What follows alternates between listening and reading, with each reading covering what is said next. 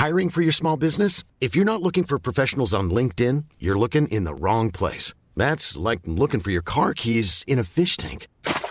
LinkedIn helps you hire professionals you can't find anywhere else, even those who aren't actively searching for a new job but might be open to the perfect role. In a given month, over 70% of LinkedIn users don't even visit other leading job sites. So start looking in the right place. With LinkedIn, you can hire professionals like a professional. Post your free job on linkedin.com slash people today.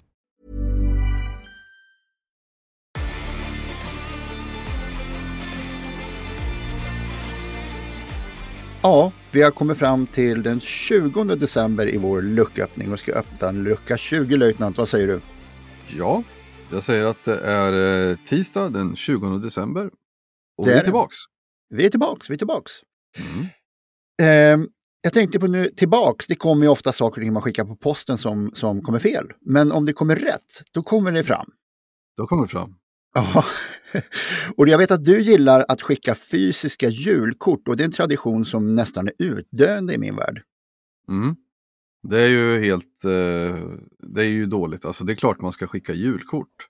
Eh, det får ju inte vara, det, det lätta vägen är ju att skicka något digitalt trams. Mm. Men faktum är att man blir ju väldigt, väldigt glad om man får ett julkort. Ett fysiskt julkort, ja. Ja, absolut. Ja, jag har väldigt svårt att tro att någon inte blir det, utan man blir ju glad. Någon har tänkt på dig, Mm. någon har skrivit, eh, det är ju ofta förtryckt, god jul önskar och sen sitt namn. Men man har ändå tänkt på Mm. dig. Mm. Mm. Man har eh, köpt frimärken och man har gått och lagt det på lådan. Ja.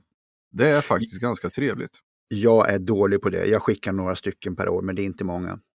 Mm. Och det är ju det med att om man får julkort, det finns ju några eh, som alltid kommer och det är väl de, kanske någon mormor eller något om man har en sån eller farmor. Mm. De kommer ju fortsätta att komma men eh, de andra, om jag skickar till dig eh, och inte får någonting tillbaks så, så kommer man ju sannolikt sluta skicka. Så det är Ja. väldigt viktigt att man responderar. Ja. Och det tar ju ett år.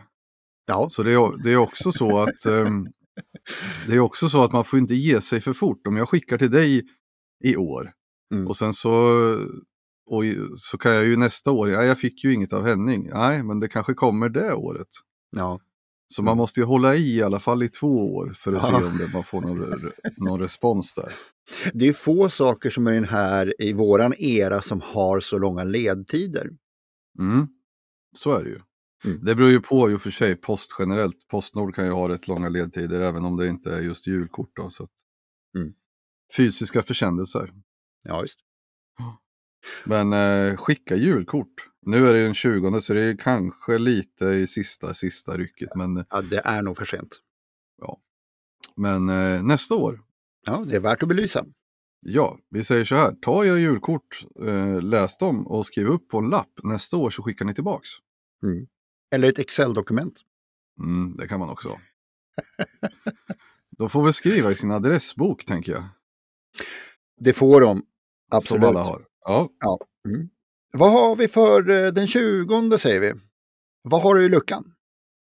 Den 20 så eh, vi är lite grann i en, eh, en liten lagerperiod här. Det är väl lite för att ladda upp inför de här riktigt mustiga julölen som kommer. Mm. Så att det, är faktiskt en lager idag med. Och Mm. en folköl i och med att det är tisdag då. Det är Train Station Brewery som står för en ekologisk ofiltrerad folklager idag. Okej. Och det är ju en eh, 3,5 procent, en 33 glasflaska. Eh, ljus ofiltrerad lager, ekologisk som jag sa. Mm. Men eh, en klassisk ljus eh, lager, välbalanserad. Och eh, den passar perfekt till grillat i alla former. Och eh, så jag kanske får gå och starta upp en grill helt enkelt. Ja, men det, det brukar jag göra på vinter, även på vintern. Jag tycker det är så jäkla härligt. Ja, men det tycker jag man ska göra. Det är inte ens konstigt. Man grillar ju korv och, och sådana saker eh, på friluftslivsbrasor. Då kunde man lika gärna starta upp sin grill och gå ut i tom på tomten och Mm. Mm. brassa på. Hörru, jag, måste, jag måste flika in här. Du drack ju en, nu kommer inte jag ihåg vilket datum det var, men det var en Schuden Carolus Christmas. Mm. Det stämmer, Jag- det var den 14. Okej, jag lyssnade ju på den och gick och köpte en sån och provade.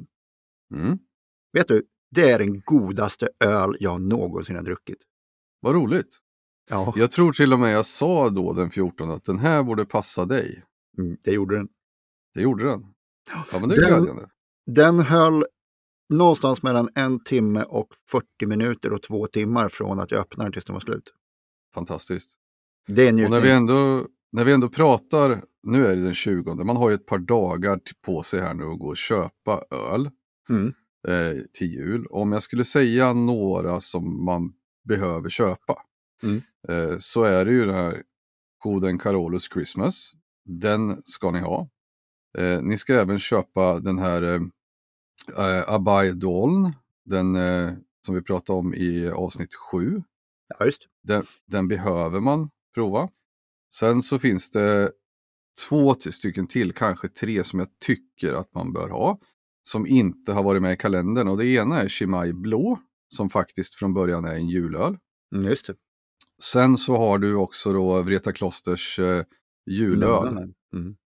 Ja, den som är julöl 2022, den måste Ah, man okej. ha. Mm. Okej. Mm. Mm. Eh, och jag skulle även säga om man inte kommer över den så köp en Vreta Kloster Abedissan 12. Okej. Mm. Den är, den är ganska lik Chimay Blå tycker jag och den är fantastiskt bra. Så de fyra behöver ni köpa. Okej. Och eh, alla de har givetvis eh, fina etiketter, inget trams.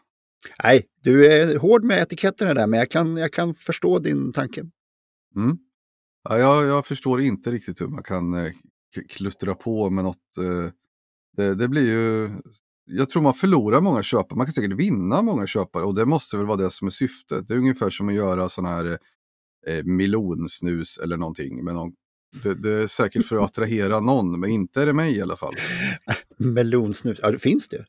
Det gör det säkert. Ja. Så att, eh, man, man har säkert eh, vunnit köpare på de här eh, psykedeliska etiketterna men man har också förlorat många, det är jag helt övertygad om. Ja, kanske. Ja. Eh, så här vid vintertid så är det ju faktiskt den enda chansen vi har att utöva vissa sporter. Och det är en sport som jag, jag tycker väl inte att den är jätteintressant, men den sticker i alla fall ut en hel del bland de här vintersporterna som jag inte brukar titta på och det är skidskytte. Mm. Har du pysslat med skidskytte? Eh, ja, inte, inte sport eh, idrottsmässigt, vi har ju åkt skidor och skjutit givetvis. Det Så här är det. är, ju en, en, en sport som har sitt ursprung i det militära och som sport har den ursprung i Norge där norska soldater utövade den i en lite annorlunda form. Då, då. Den första kända tävlingen ägde rum 1767 när norska gränssoldater tävlade varandra i olika grenar som att träffa måltavla under utförsåkning på skidor, distanslopp på skidor, slalom och störtlopp. Mm.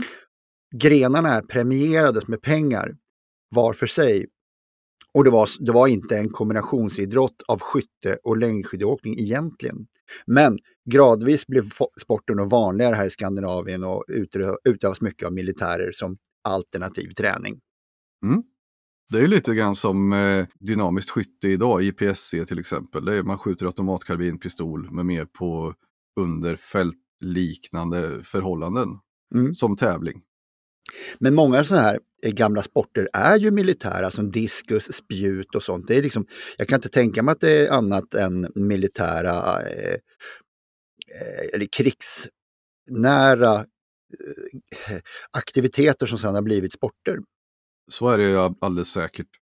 Sen har vi ju, det har ju funnits, eh, funnits slash finns, innan det här dynamiska skyttet fanns det ju k-pistskytte eh, stort i Sverige och vi hade ju eh, fältskytte där eh, man sköt eh, Mauser 96, gevär 96. På, det anordnades tävlingar, fanns ju en skjutbana i varenda by Mm. eh, och med det här anordnades ju under lite mer fältmässiga förhållanden. Man gick hem till eh, bonden Persson och gick runt på hans marker och sköt på mål på olika avstånd och, och så vidare på ett stationssystem. Mm. Väldigt bra för värnkraften. Ja. Och apropå eh, vinteridrott, jag har sett något, eh, någon bild någon gång att den var tagen under eh, ett OS och då grenen var snöpulsning med pistolskytte. Det måste vara hur jobbigt som helst. Ja, väldigt militärt också. Det var väl då för att ta sig fram till ett mål och sen verka då. Mm. Så, mer, så, mer sånt. Och med det sagt så är vi väl framme och eh, vi börjar närma oss slutet och då måste vi öppna lucka nummer två för dagen. Dagens datum i historien. Ja. Eh, då har vi då 1860 så blir South Carolina den första staten att utträda ur Förenta Staterna. Och 1917 så grundas den första sovjetiska hemliga polisen, Tjekan.